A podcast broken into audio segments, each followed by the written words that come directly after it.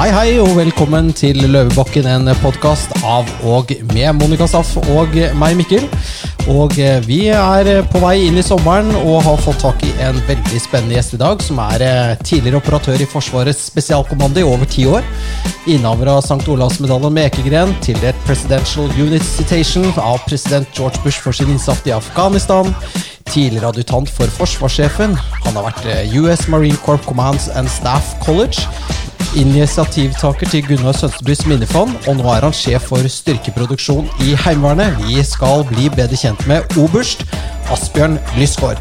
Men før vi eh, snakker med denne litt skumle mannen som sitter nede Vi har satt oss lengst bort på bordet her nå, med god avstand. Eh, Monica, hvordan er livet? Jeg bare husker Som ung så drev vi alltid ta sånn nypegreier og så kaste det kløpulveret ned i ryggen på hverandre, så man ble litt irritert. Har du vært irritert denne uken her? Jeg vil jo si at det er vel neste, det er jo ikke en uke uten at man blir irritert på et eller annet. I hvert fall med de som sitter og, og styrer, eller hvis man kan kalle det å styre. Ja det, er, ja, det var det, da. Ja. Det er egentlig styringsløst. Litt sånn sykkel Ja, uten løst styre. Uten styringsfart. Det som heter dead slow ahead. Dead slow ahead med og, løst på styre. marint språk. Ja. Du, nei, De to store sakene denne uken her har jo vært eh, den første som, eh, som har eh, jo vi på en måte har en personlig relasjon til. Den saken med Shabana Ja. Rehman. Som da ble i løpet av to timer og 37 minutter eh, fratatt sin eh, statsstøtte via en eh, rapport fra Ernst Young, som da dette IMDi eh, Skumlese må de ha gjort, for det var på 37 sider. Ja. Og tok den avgjørelsen ganske fort. Kastet Men når de skal svare på spørsmål om hvorfor og hvordan, så, så må det brukes ukevis. Men nå har i hvert fall Nettavisen tatt tak i denne saken og holdt på med den antagelig ganske lenge. Og der kommer det mer grums. Mm. Det kommer masse. Og la oss håpe at de som står bak dette, får seg en smekk. For det som er problemet med offentlig forvaltning, er jo at de gjemmer seg bak hverandre, og det blir aldri noen straff, hvis vi kan kalle det det. da. Mm. At de, ja, de får lov til å bare fortsette videre uten noen konsekvenser. Mm. Og så har vi den lille eh, spennende saken med Tonje Brenna. Oi, er det, har det? Nei, altså jeg har vært eh, helt eh, Jeg har sluttet å lese aviser, jeg. Ja, Mikkel skjer? bare ferierer, han er sånn. Ja. sånn ja. Konsulodden. Kon- På konsulodden. Ja, hva er det Tonje Brenna har gjort nå, da? Eh, Tonje Brenna har jo ansatt da sin gode venn Frode Elgesem i Wergelandstiftelsen, og så har hun også, og da nå Mulig jeg sier feil, men det er Utøya altså Det er også en sånn Utøya-stiftelse som da Wergelands, altså Wergelandsutvalg, eller det det er Jeg husker ikke De det gir penger. Ja, fordi at hun har jo da utnevnt uh, han Frode Elgesem uten at han har vært oppe til forslag, og de er gode venner. Altså, Altså, de er veldig god gode venner. gammeldags neopotisme, altså. Ja, i dette utvalget, Utøya-utvalget sitter da hennes eksmann og hennes forlover og hennes toastmaster. Så det er noe habilitetsgreier her som ikke har vært uh, grundig vurdert. Og så dukket det også opp en sak fra ganske lang tid tilbake uh, hvor um, hun har brukt sin politiske uh, hva skal jeg si, leverage til å fjerne en konkurrent til det som da var hennes samboer, Morten Henriksen, tror jeg. Dette høres jo ut som en sånn romersk tiden, tiden rett før Romerriket falt. Ja. Så, men, ehm, men hvor irriterende, provoserende og skremmende disse sakene er, Ja. skal du og jeg snakke om i sommerpodden. I sommerpodden, den blir usensurert. Den blir veldig Den blir heftig. Den bør være med sånn advarsel. Den blir sånn eksplisitt eh, greier. Ja. Men apropos advarsel, jeg Ja. er faktisk litt grann redd her jeg sitter. For Ja, på ja, ja. enden av bordet så sitter en kar i combat-uniform. Yes, full combat med masse patches. Så det er det første jeg ser nå. Og det, det, dette er en tidlig morgen på Frogner, bare så jeg skulle sagt det. Og Frognerfruer, de, de, da må de få i seg kaffen, og det er mye greier som skal stemme før man kan gå ut av døren. Jeg var her veldig tidlig og skvatt altså så jeg holdt på å gå på ryggen av denne litt skumle mannen i uniform, som vi nå vet heter Asbjørn Lysgård. -hmm. God morgen, Asbjørn. God morgen, god morgen til dere. Ja, Det er jo din skyld at vi, vi pleier å spille inn denne podkasten liksom på ettermiddagen med noe Aperol Spritz og sånne ting, men du er jo oppe fem om morgenen og tar pushups og hangups og har sikkert jogget to mil og skutt på blink og alt mulig rart, og vi måtte begynne tidlig, da, for du, du har så mye å gjøre. Ja, det er vel ikke så, så travle dager hver gang, men eh, jeg pleier å stå opp i sekstida hver morgen og komme i gang og ja, få mye ut av dagen og være på kontoret i god tid før syv. God tid God før tid, god tid før syv. Men, dette, men, men, eh, men Asbjørn, um, ja, du er jo Du er jo en, en spennende mann. Um, så vi må nesten bare begynne øverst. Uh, hva er FSK, og du har vært der? Kan ikke du fortelle oss litt om det? Altså, det er mange som uh, synes at dette her med spesialjeger, jegertjeneste, førstegangstjeneste som uh, er utfordrende, er veldig spennende. Og sånn var det også for meg. Jeg kom jo ikke inn i spesialstyrkene før etter fire år i Forsvaret. Men det var på en måte noe som eh, tiltrakk meg hele tiden. Men det viktigste med spesialstyrkene det er at eh, individet arbeider sammen i grupper. Og vi har noe som heter makkerprinsippet, som betyr at du har en uh, kompis rundt deg som støtter opp. og Vi er alltid et team. Man gjør aldri noe ene og alene. Hva het prinsippet, sa du? Makkerprinsippet. Det at makker, du er to ja, stykker. Du har en makker nesten som et ekteskap. Du Ja. har en makker med deg som står på og løser uh, og Spuner støtter. dere? Sover dere i skje? Ja da, det, vi gjør det også. Du må, du må, nærhet for å holde varmen er viktig, vet du. Ja, ja, selvfølgelig. Ja. Det er Mhm. Så denne Råd. makkeren eh, møter du da når du da blir tatt opp, eh, og så henger dere sammen resten av livet omtrent, eller? Av og til så lager man en gruppe på fire eller seks inn i to eller tre makkepar, og av og til så finner du en kompis som du på en måte vet at du har en ekstra god relasjon sammen med. Men det viktigste det er at eh, du aldri føler deg alene. Du har en rundt deg som er din eh, samarbeidspartner, og som følger deg opp på godt og vondt. da. Vi ser jo på sånne actionfilmer at det er jo Det er kanskje Ja, det er sånn Rambo-aktig. Eh, Men, men det er ikke mitt inntrykk av eh, de jeg har møtt fra FSK. De er som regel veldig sånn De går i surfeshorts og flipflops og er ganske sånn Ganske rolige, lugne mennesker. Er det, er det en treat med dere, i, inklusive deg selv? At eh, det er ikke sånn eh, bolepakke, litt aggressiv, headbutter alle du ser foran deg i køen på nattklubben og sånn? Jeg tror nok de aller fleste av oss er eh, veldig rolige, alminnelige. Eh, det er, eh, Etter hvert som man blir eldre, så blir det mange eh, familiefedre også. Og du så jeg så skummel ut, men eh, jeg tror den arbeidsuniformen her, den, eh, det er mer en eh, arbeidsdress enn eh, noe annet. Så det er eh, det stereotype ved å være enten om det er i eh, norske forsvaret, jegertjeneste der, eller amerikanske SEAL, eller noe sånt noe, så tror jeg vi er eh, veldig, veldig average og vanlige, og ja. Vi blend, blender godt inn med the local population. Men du er oberst, ikke sant? Ja, når eh, et, det, er jo forskjellige grader, Det ganske høyt opp på rangstigen, er det ikke det? I militæret? Eller Jo da, det er, eh, det er litt over midt på treet. Ja. Så det er jo sånn at eh, man starter jo Mange starter som soldat eller inne på det som var befalsskole lagførerutdanning. Og så går det et valg, sånn som det har blitt nå, enten å gå inn i det som heter offisersøyla eller spesialistsøylen, der du blir sersjant av forskjellig grad eller offiser av forskjellig grad. Så der har jeg gått gradene gjennom befalsskole, krigsskole, eh, utdanning på US Marine Command Staff College, som er sånn generalstabsskole. Og da er man klar for å tjenestegjøre i stab og ende opp der hvor eh, jeg har vært nå, da, i Heimevernet som sjef for styrkeproduksjon. Ja. Vi skal jo innom Heimevernet litt senere, men kan ikke du fortelle litt om hva er sjef for styrkeproduksjon? Det høres jo veldig litt sånn Det, det er en litt sånn grå tittel. Sjef for styrkeproduksjon, er det, er det at få folk til å ta pushups og situps, eh, bygge styrke? Er du en type personlig trener, eller er det noe helt annet som er kanskje litt mer alvorlig? Så Sjef styrkeproduksjon det handler om å fylle opp eh, Heimevernet med de beste og mest eh, kompetente folkene vi har der ute, av de som har gjennomført førstegangstjenesten. Så vi er jo 40 000 stykker i Heimevernet. Og innenfor dette så har jeg ansvar for personell, materiell, økonomi, bygg og anlegg, skyte- og øvingsfelt. Rett og slett driften da, av eh, Heimevernet. Og grunnlaget da, for, å, for å komme dit, det, det ble jo lagt da, blant annet på gamle Jegerskolen og Forsvarets spesialkommando. Der jeg begynte som, eh, som soldat og patruljemann. Og gikk gradene i forskjellige stillinger som troppssjef og skvadronsjef. Da, med alt det den utdanningen der eh, innebar. Før jeg endte opp med stabstjeneste i forsvarsstab og forsvarsdepartement. Så det er, det er bredt grunnlag da, før man kommer dit. Mm. Krigsskolen den ligger på Linderud, gjør den ikke det? Krigs, krigsskolen er på Linderud, ja. Og det er jo Vi har jo tre krigsskoler. Det er jo Hærens krigsskole, som kalles da bare Krigsskolen. Så er det Sjøkrigsskolen og Luftkrigsskolen, henholdsvis i Bergen og i Trondheim.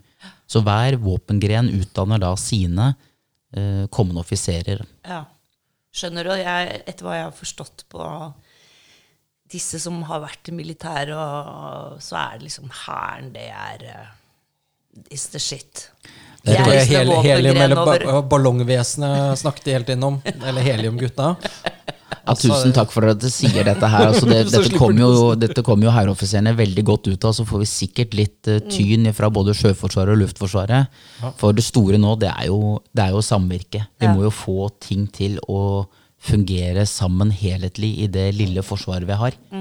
Og da er ordet på en måte samvirke er utrolig viktig, altså. Ja, og det er jo Jeg vet ikke, vi, det som, vi som ser Forsvaret utenfra, ser jo at det absolutt har blitt eh, nedbygget budsjettmessig og, og, og, og antall mennesker. Jeg leste akkurat en rapport rundt, eh, fra Forsvarets forum rundt denne her eh, forliset av Helge Ingstad, ja. Helge Ja. Mm. Eh, hvor det sto noe om hvordan disse, disse fregattene ble drevet og bemannet, og hvordan de hadde liksom skalert ned på bemanningen og derav eh, ha, og, altså, setter seg i en mye mer utsatt posisjon liksom, ja, år for år. Det var en eldre eh, eldre fagkar som hadde pensjonert seg fra Forsvaret, selvfølgelig, som uttalte seg. For det er ingen som er i Forsvaret, som, som tør å si noe. Og sånn har det jo blitt over hele fjæra.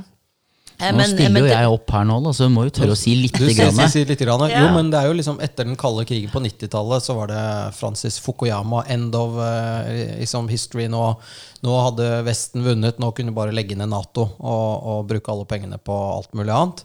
Så det, derfor, Godteri. Godteri. Ja, men altså, det var jo altså, Vi hadde jo flere Hadde vi to brigader før altså, det, det norske forsvaret var jo stort. Eh, det var jo i Tyskland over hele fjøla, så var det liksom mye kompetanse. Altså, det tar jo 14 dager å legge ned, og så tar det 10 år å bygge opp igjen. Altså, Man har jo på en måte kanskje dratt den litt langt, og nå Oi, nå ble det krig i Ukraina, nå må vi begynne å bygge opp. Og da, det tar jo tid, da. Det er liksom ikke bare å utdanne Det er ikke bare å kalle inn 70 000 ungdom til, til førstegangstjeneste hvis du ikke har et offiserkorps og hva kaller det, eh, sersjant, Spesialister, ja. Ja. til å lære opp eh, unge Ja, du må jo begynne et sted, da. Nei, og det tror, jeg, det tror jeg er noe vi har tatt læring av, bl.a. etter Helge Engstad. Men prosessen ble startet i forkant av det òg. Det med å gi folk tilstrekkelig utdanning og god nok utdanning. Det at man må stå lenger i eh, forskjellige posisjoner før man rykker opp og går videre. Så at man har med seg den faglige ballasten. Det er utrolig viktig. Og så er det jo det er jo noe positivt å spore, selv om eh, antallet inne i Forsvaret har gått ned. Så er det jo noe positivt i forhold til eh, styrking, anskaffelser. Vi har jo de råeste flyene i verden. Mm. Det er eh, nye ubåter på vei. Det kommer nye fregatter. eh, Både langtrekkende luftvern og stridsvogner. Ja, Ja. stridsvogner. Så det er mye positivt, men det har blitt dyrt å drifte Forsvaret. Ja. Det koster veldig mye, eh, alt rundt oss har blitt dyrere. Eh, det å leie bygg, det å kjøpe ammunisjon, det å understøtte driften vår. Så det må vi ta inn over oss. Så hvis vi skal ha det forsvaret vi har i dag, så må det også finansieres. Eller så kan vi justere ambisjonsnivået og ha et mindre forsvar. Ja, og vi ser jo sant, Man kunne jo tenke seg da for 10-15-20 år siden at det ikke ville være en bakkekrig eller en tradisjonell krig sånn som vi ser det har blitt i Ukraina igjen i verden. Det har vi liksom forestilt oss det kan ikke skje. Det vil skje med enten kjemiske våpen eller atomvåpen. Eller.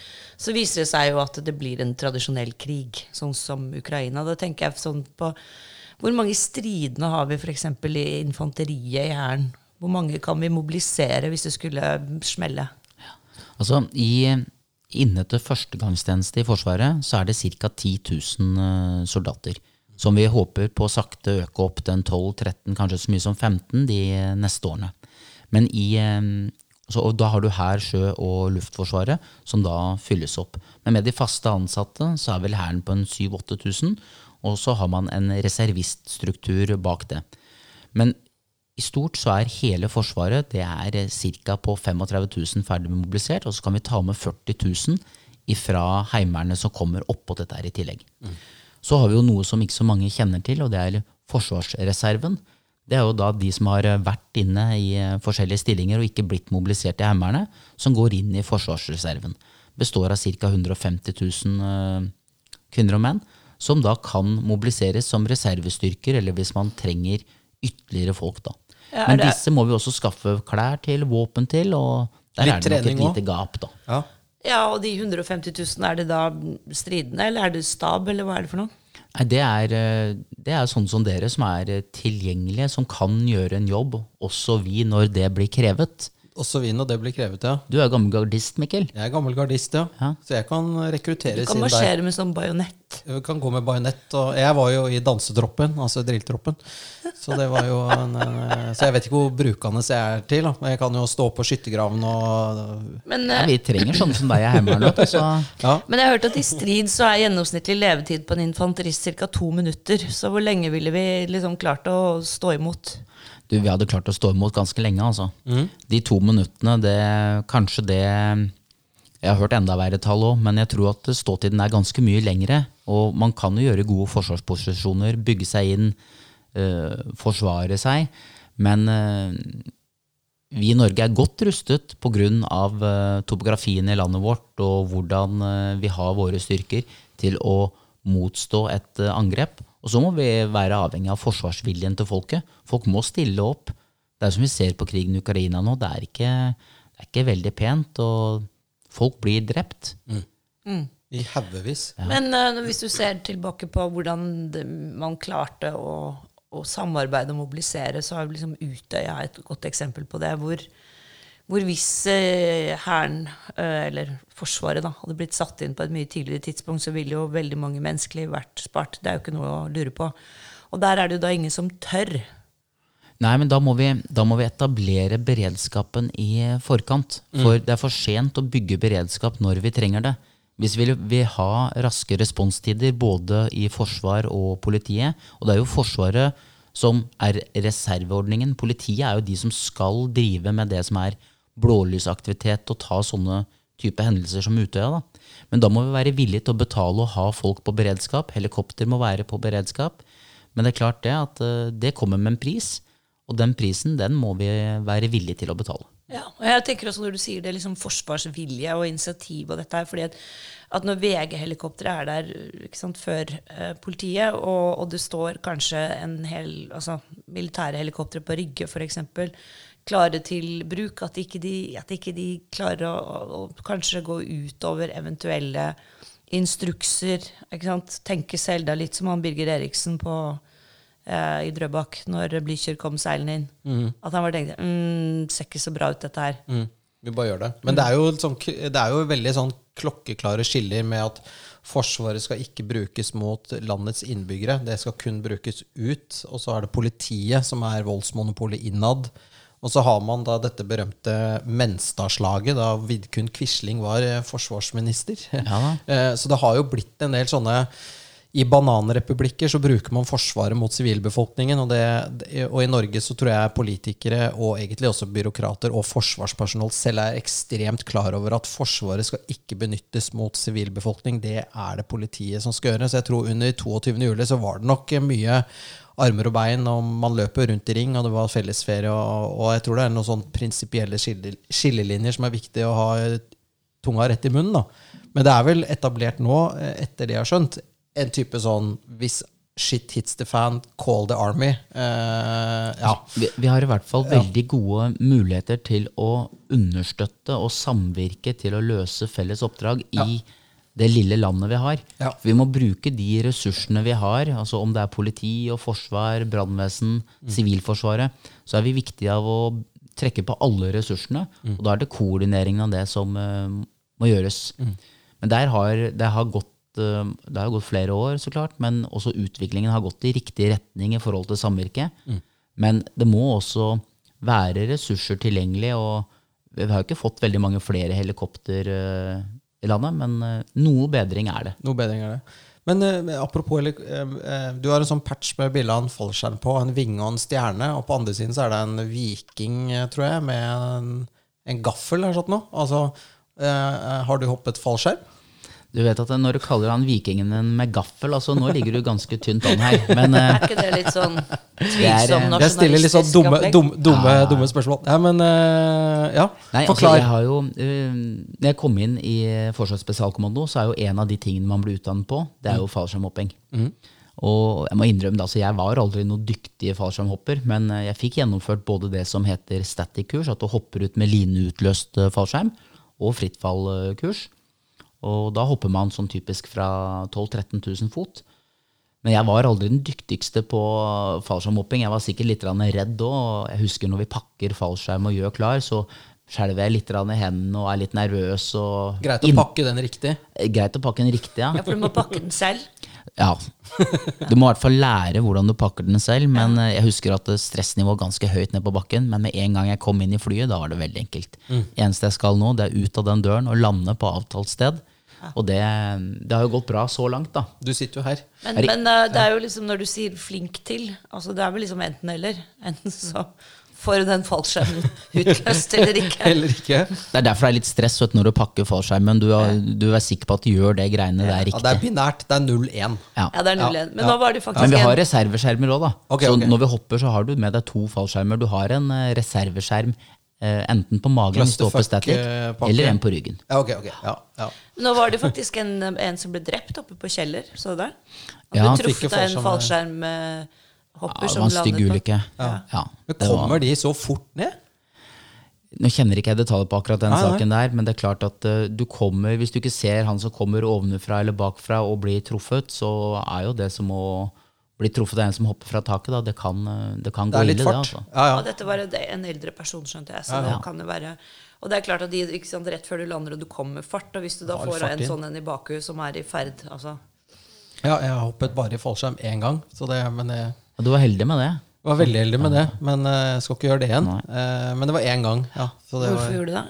Jeg fikk en bursdagspresang av en veldig hyggelig, hyggelig venn. Eller en slem venn. En slem venn. Alt ettersom. Men vi kom på, når du tenker på det med, når du kom på det med farsomhopping, så er det jo veldig mye annet spennende man gjør oppe på Jegerskolen. Da. Ja. Fordi jeg føler at jeg ble mye dyktigere på det med å dykke. Okay, så Det, du, å, det også er en av kvalifikasjonene man blir utdannet på. Da. Det å kunne sluse fra ubåt, det å svømme i Nordsjøen, har du gjort det? det å klatre. Ja da. Oi, Sluse å- fra ubåt, hva er det for noe? Det betyr at man eh, er i en ubåt, og så svømmer man ut eh, som regel gjennom eh, tårnet på ubåten. Men man kan også gjøre det gjennom torpedorørene. Men det er en metode for å bli fraktet inn, da. Og da er det, det er én ting som er sikkert, det er at du må, da, du, må, du blir jo testa ut på opptakene og sånn, da. Om du har klaustrofobi, om du tåler en del sånne vanskelige ting. Men det følte jeg at det hadde jeg i hvert fall bedre kontroll på enn eh, Hoppe? enn hoppingen, da. Blir dytta inn i torpedorør, og så lukker de bak deg. Det er helt Da er det helt tett, vet du. Det er helt Det er helt, Og og så er det Fy faen, det er sykt, altså. Ja, men, men, du må være slank og god for å komme inn i det røret òg. Nå var vel både du og jeg slankere tidligere, men vi, gode, gode, det har vi jo vært hele tiden, da. Men vi hadde en god, har vært mange spennende hendelser der også. Jeg husker vi var ute og svømte en gang, og mens ute og svømmer, så er det noe som heter en hydrostatventil. Hvis du kommer for dypt, så slår den ut. Men eh, i mitt eh, tilfelle og i makkeren min sitt tilfelle, så hadde tauet surra seg rundt bryteren. Så når den blir utløst, så popper eh, flytevesten. Og da går en dupp som går rett til værs, da. Og hvilken Ah, var det på da? Jeg var han som, jeg var han proppen og blyloddet i bånn. Men han kompisen min han gikk jo rett til værs. da.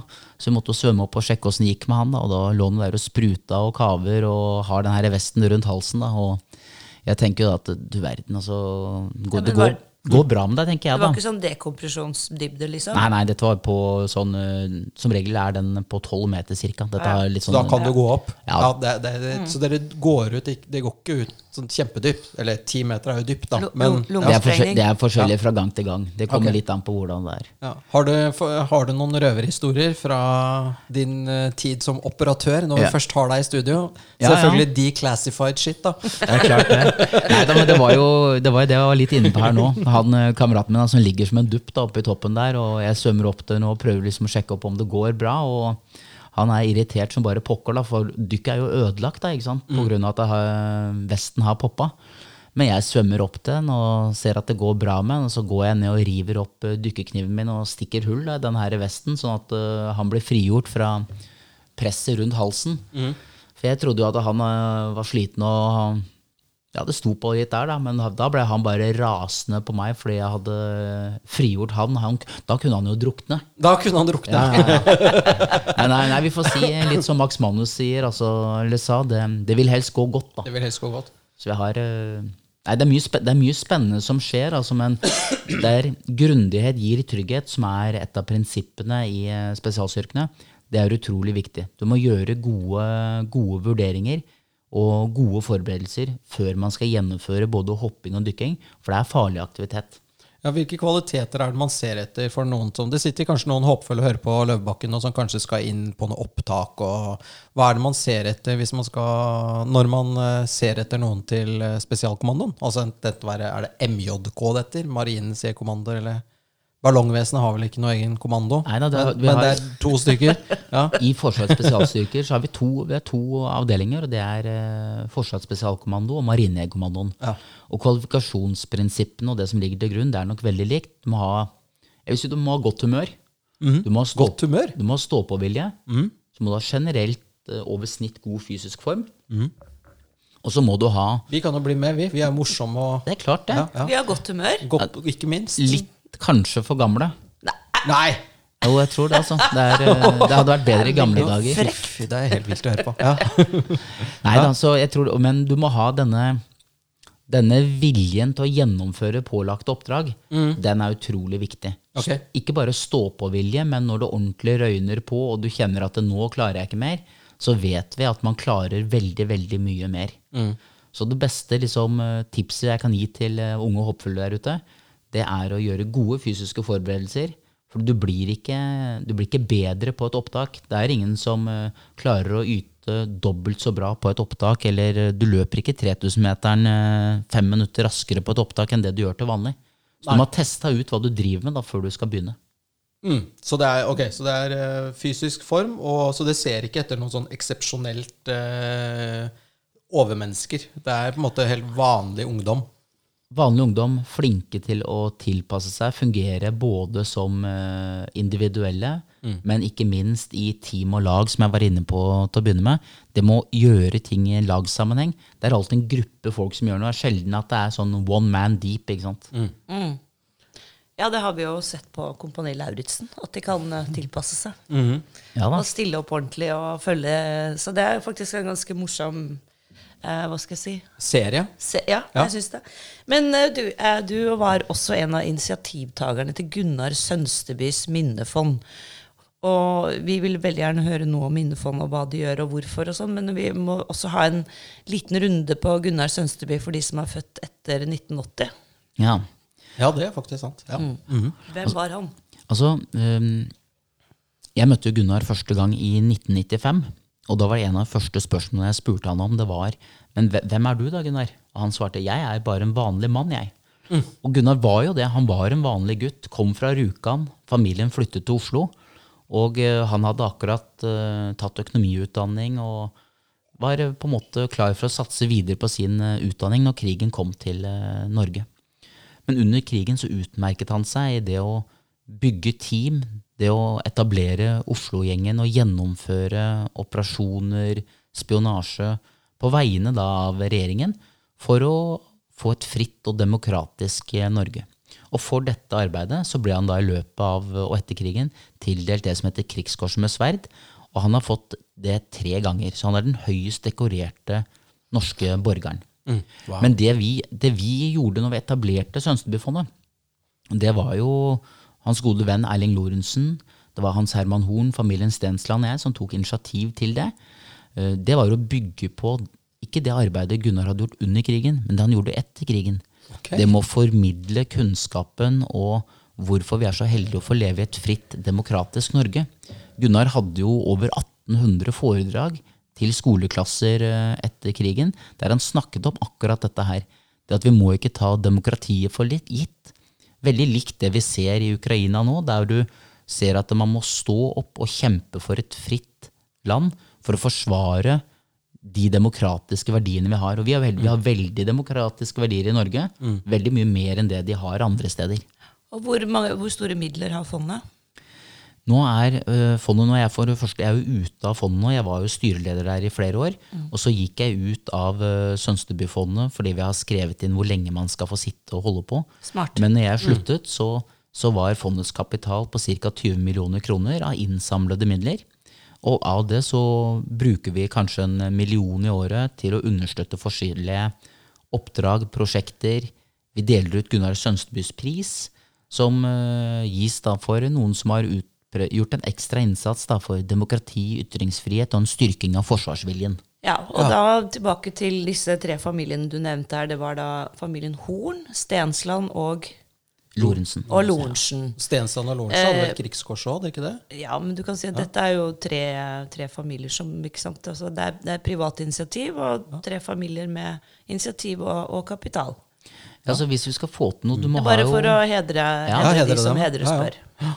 Ja da, og etter, etter at de fikk på plass grunnkapitalen, så har vi gjort øh, en stor fundraising der vi fikk på plass liksom, hovedtyngden av kapital på 10 millioner i tillegg. Hvor mye av det kom fra staten?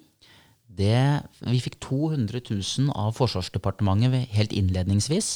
Og så har vi vært eh, såpass heldige at vi har fått lov å bruke Fanehallen på Akershus festning til å dele ut Sønstebyprisen. Ja. Og nå senest i januar så var det jo Jens Stoltenberg som fikk Sønstebyprisen.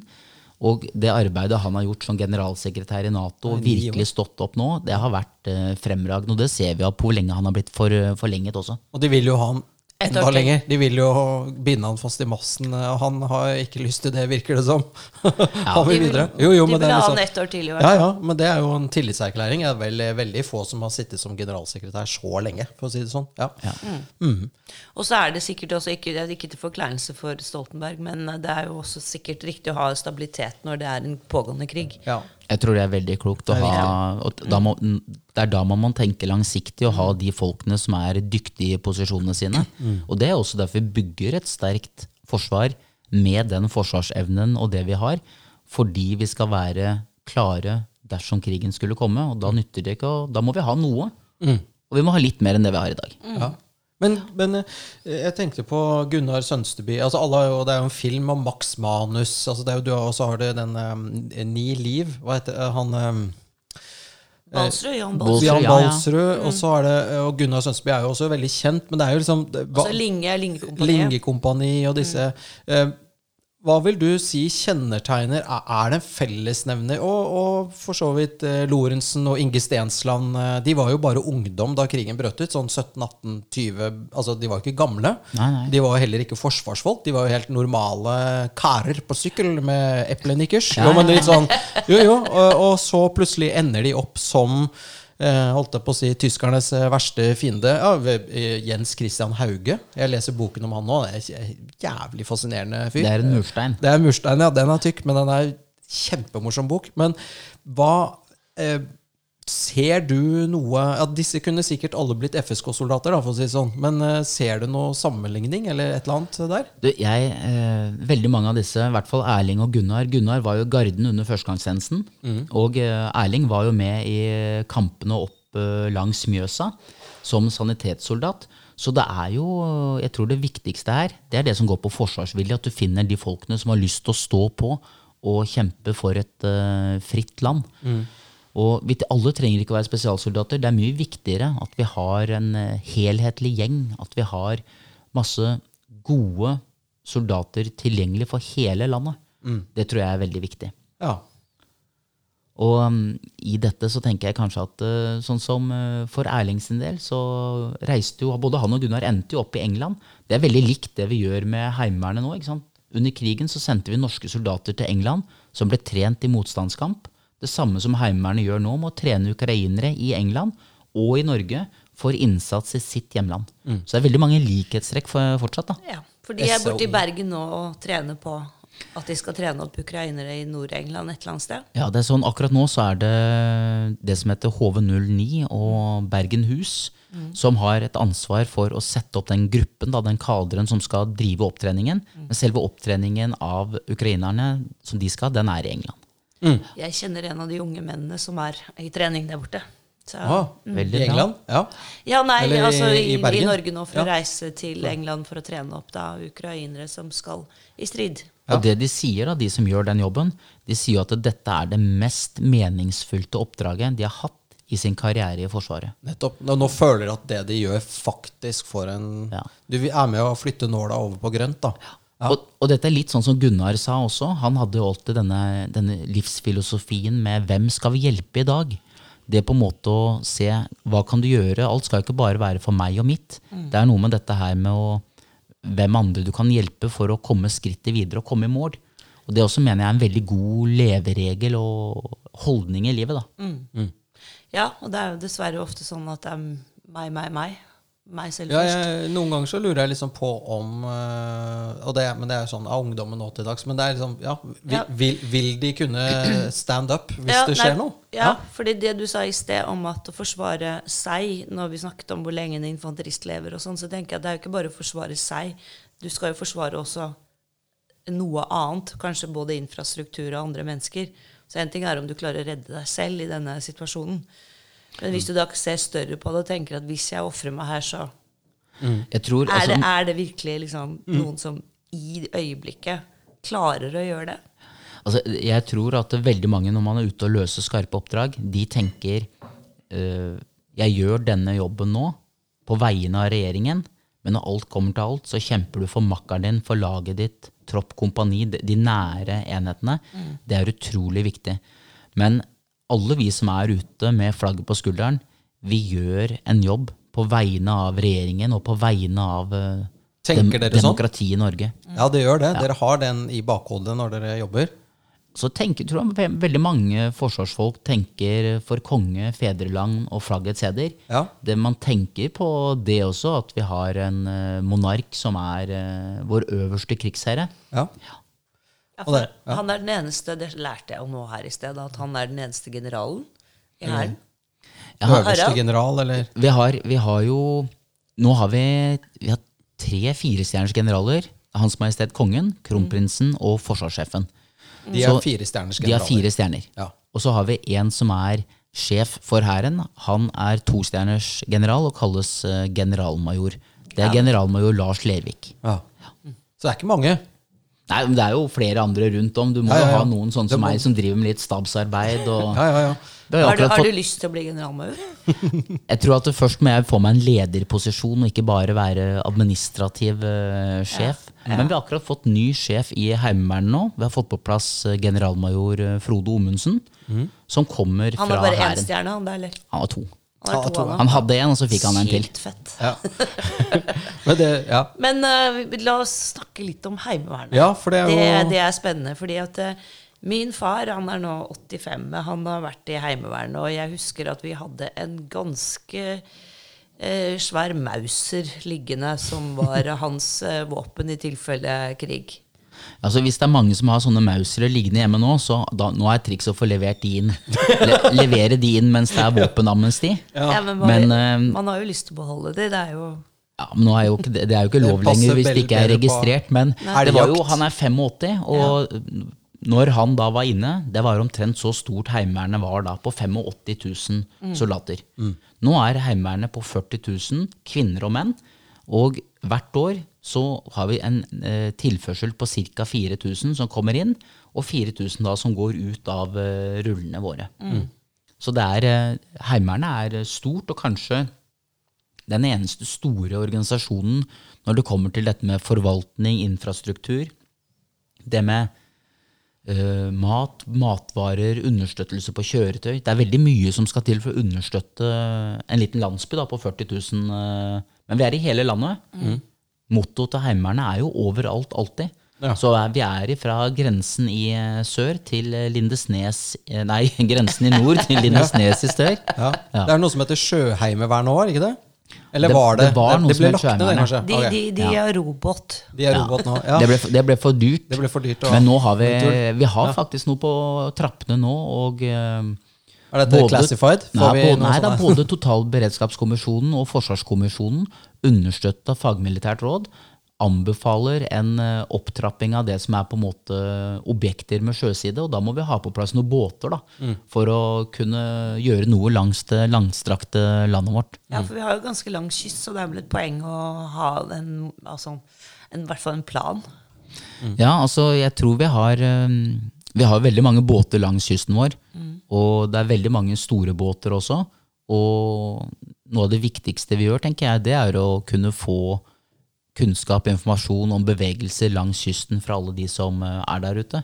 Og det ser man jo at eh, alle ringer og melder ifra til politiet hvis det er spesielle bevegelser, eller på 70-80-tallet når det var russiske ubåter eh, ute og kruste, så kom det jo rapporter om det stadig vekk. da. Ja, Fra fiskeflåten og lastebåter og Ja. altså privat hva skal jeg Nå har jo ikke de noe med verken Heimevernet eller Forsvaret å gjøre, men Mm. men alle har en tendens til å Si ringe en venn hvis det skjer noe, eller de ser noe Noe som spesielt. er litt rart, da. Ja. Men altså sånn som Heimevernet, der, når man er ferdig med førstegangstjenesten, får man da beskjed om at du kommer i Heimevernet, eller ja, hva skjer? Ringer du dem opp? Nei da, vi, vi prøver i løpet av førstegangstjenesten å informere om at eh, en gruppe kommer i Heimevernet. Og det er ca. halvparten av de som gjennomfører førstegangstjenesten, som kommer inn i Heimevernet. plukker dere da ut, eller?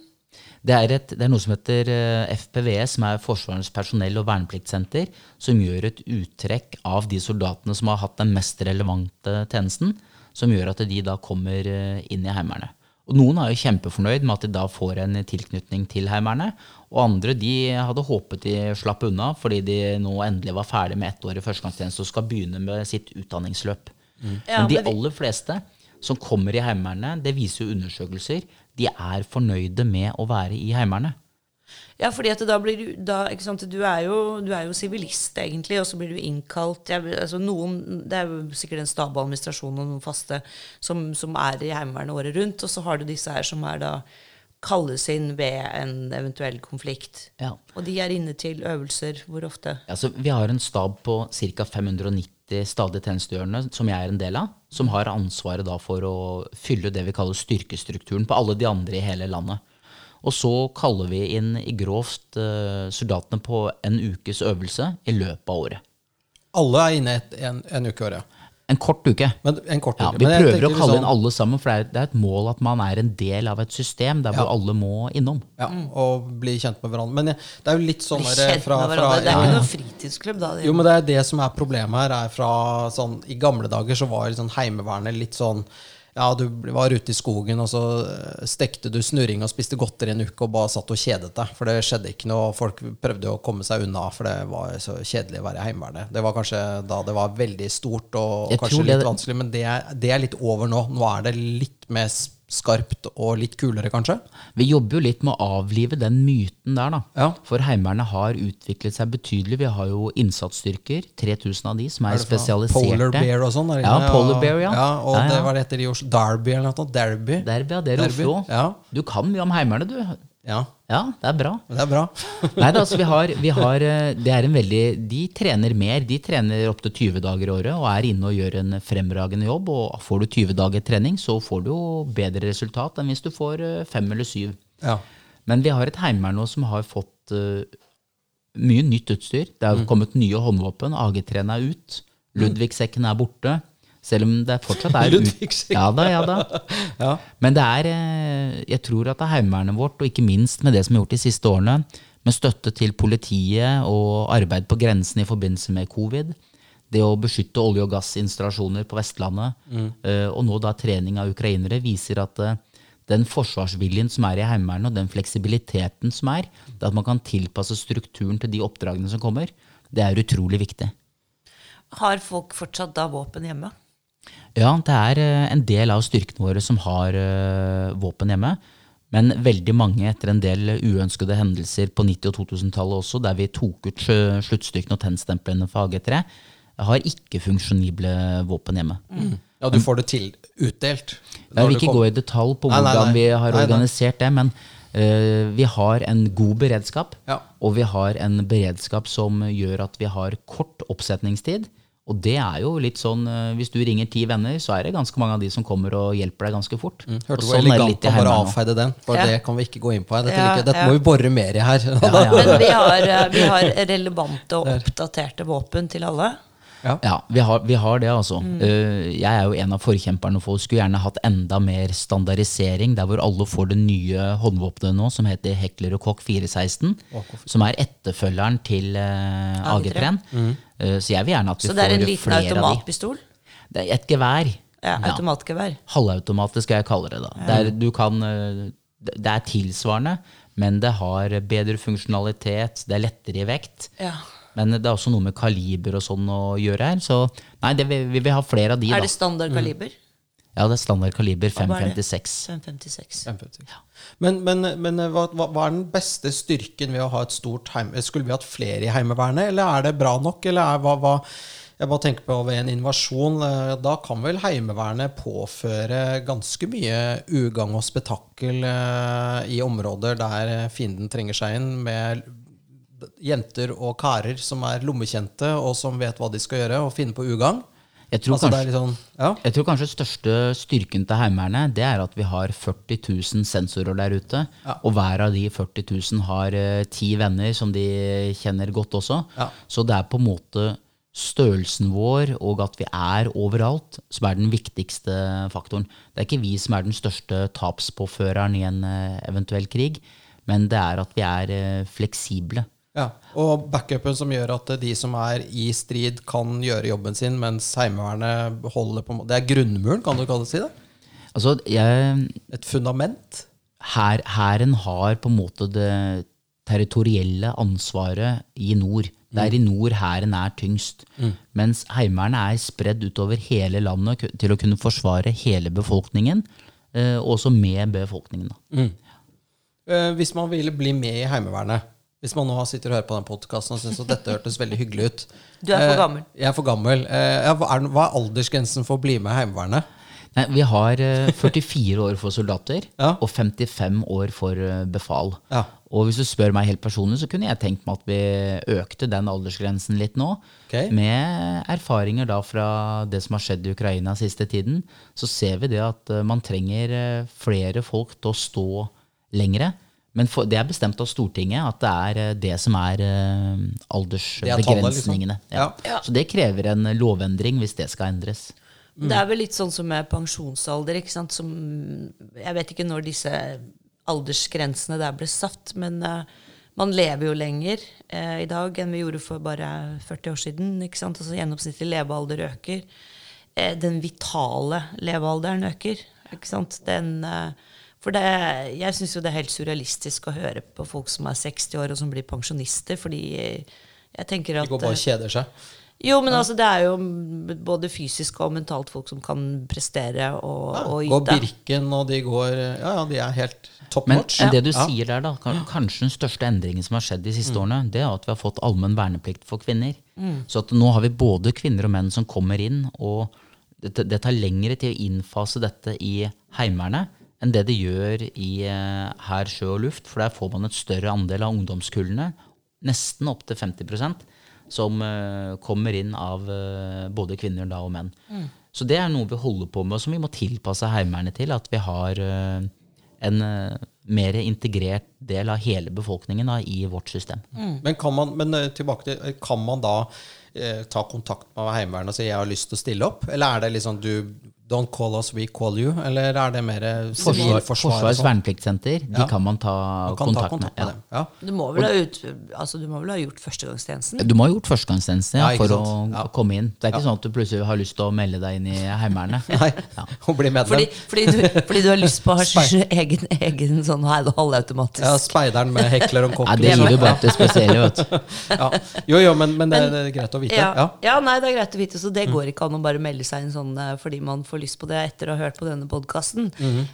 man må ha utført førstegangstjenesten. Og da, Du nevnte det jo her bare nå for litt siden, dette med kvinner i Forsvaret. Eh, hvordan fungerer det, syns du? Jeg syns at det fungerer veldig bra. Det, har, eh, det har vært eh, Er det et politisk korrekt svar, eller er det Nei, nei, nei. Nei. Det er, eh, det er jo, vi er jo rundt bordet her nå, så nå, ja, ja, nå er det jo to tredjedeler menn da, rundt bordet her. Men allikevel så Det å la alle få et tilbud da, om å være med som en del av Forsvaret, som en del av demokratiet vårt, og ta sin plikt. Og så er det jo klart det er oppgaver som det er en fordel å være sterkere, robust fysisk. Men vi ser jo det at eh, veldig mange kvinner har eh, De ser andre detaljer. De er bedre på å beskrive ting menn ikke ser. Men ikke minst det at muligheten for alle nå skal være lik. Det er Også når det gjelder forsvar. Det sånn eh, det bør være sånn i alle yrkesgrupper at man skal ha like rettigheter og muligheter. Og der er vi på rett vei. Vi har en lang vei å gå. Det har jo vært et mannsdominert yrke. Det er jo ikke til å stikke under en stol. Og fra gammelt av så var jo krigerne var jo menn. Det var soldater. Og da var jo krig veldig basert på fysisk styrke. ikke sant? Den som var sterk, den sterkeste vant.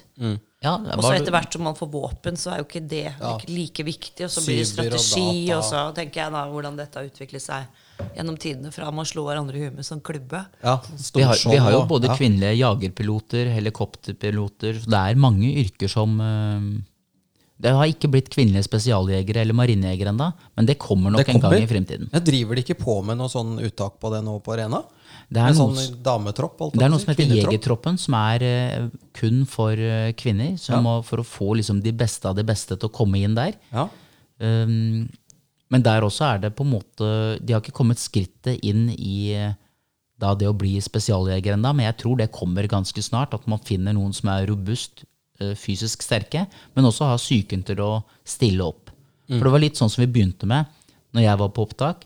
Så det var eh, de aller sprekeste, de eh, faller av og til fra, fordi de er for spisset, for trent til å løpe og gjøre ting på en spesiell måte, tåler seg dårligere uten mat og søvn. Eh, ja. Så det er rett og slett det sitter mye i huet?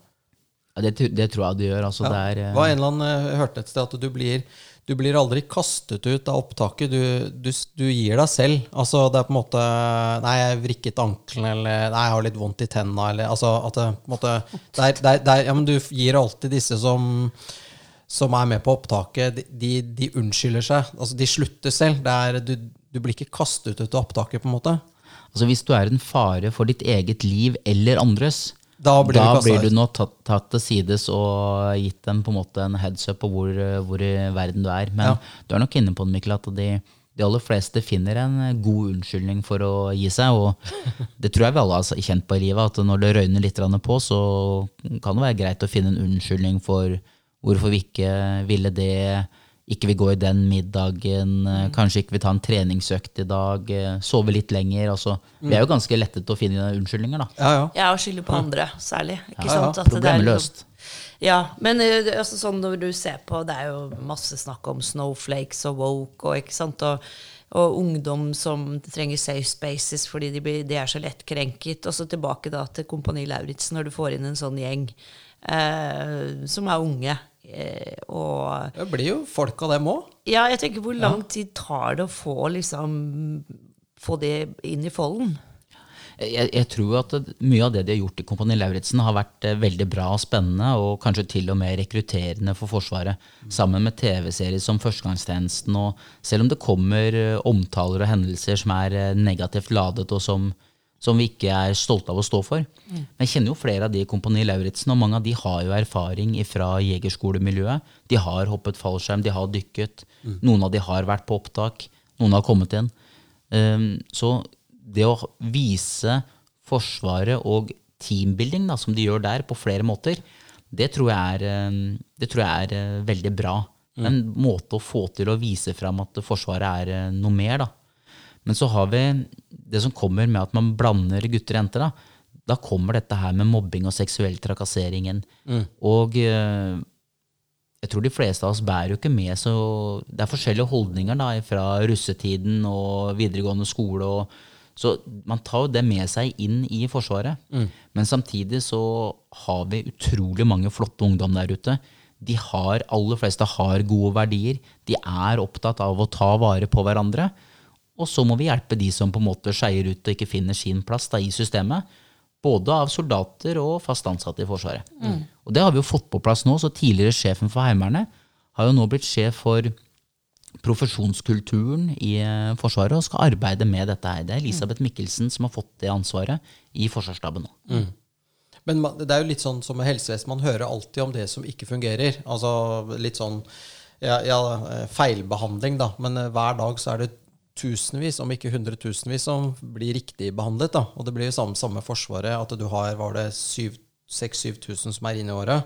Eh, Men VG skriver jo om Eller 10 000. Ja. Ja, ja, men, og VG skriver jo gjerne om de fire-fem som blir seksuelt trakassert. Eller, altså, du hører jo aldri om det som er bra, da, for det er jo liksom ikke så spennende å skrive om. Det er jo litt sånn med nyheter at eh, man liker å fokusere på det som er litt dramatisk. da.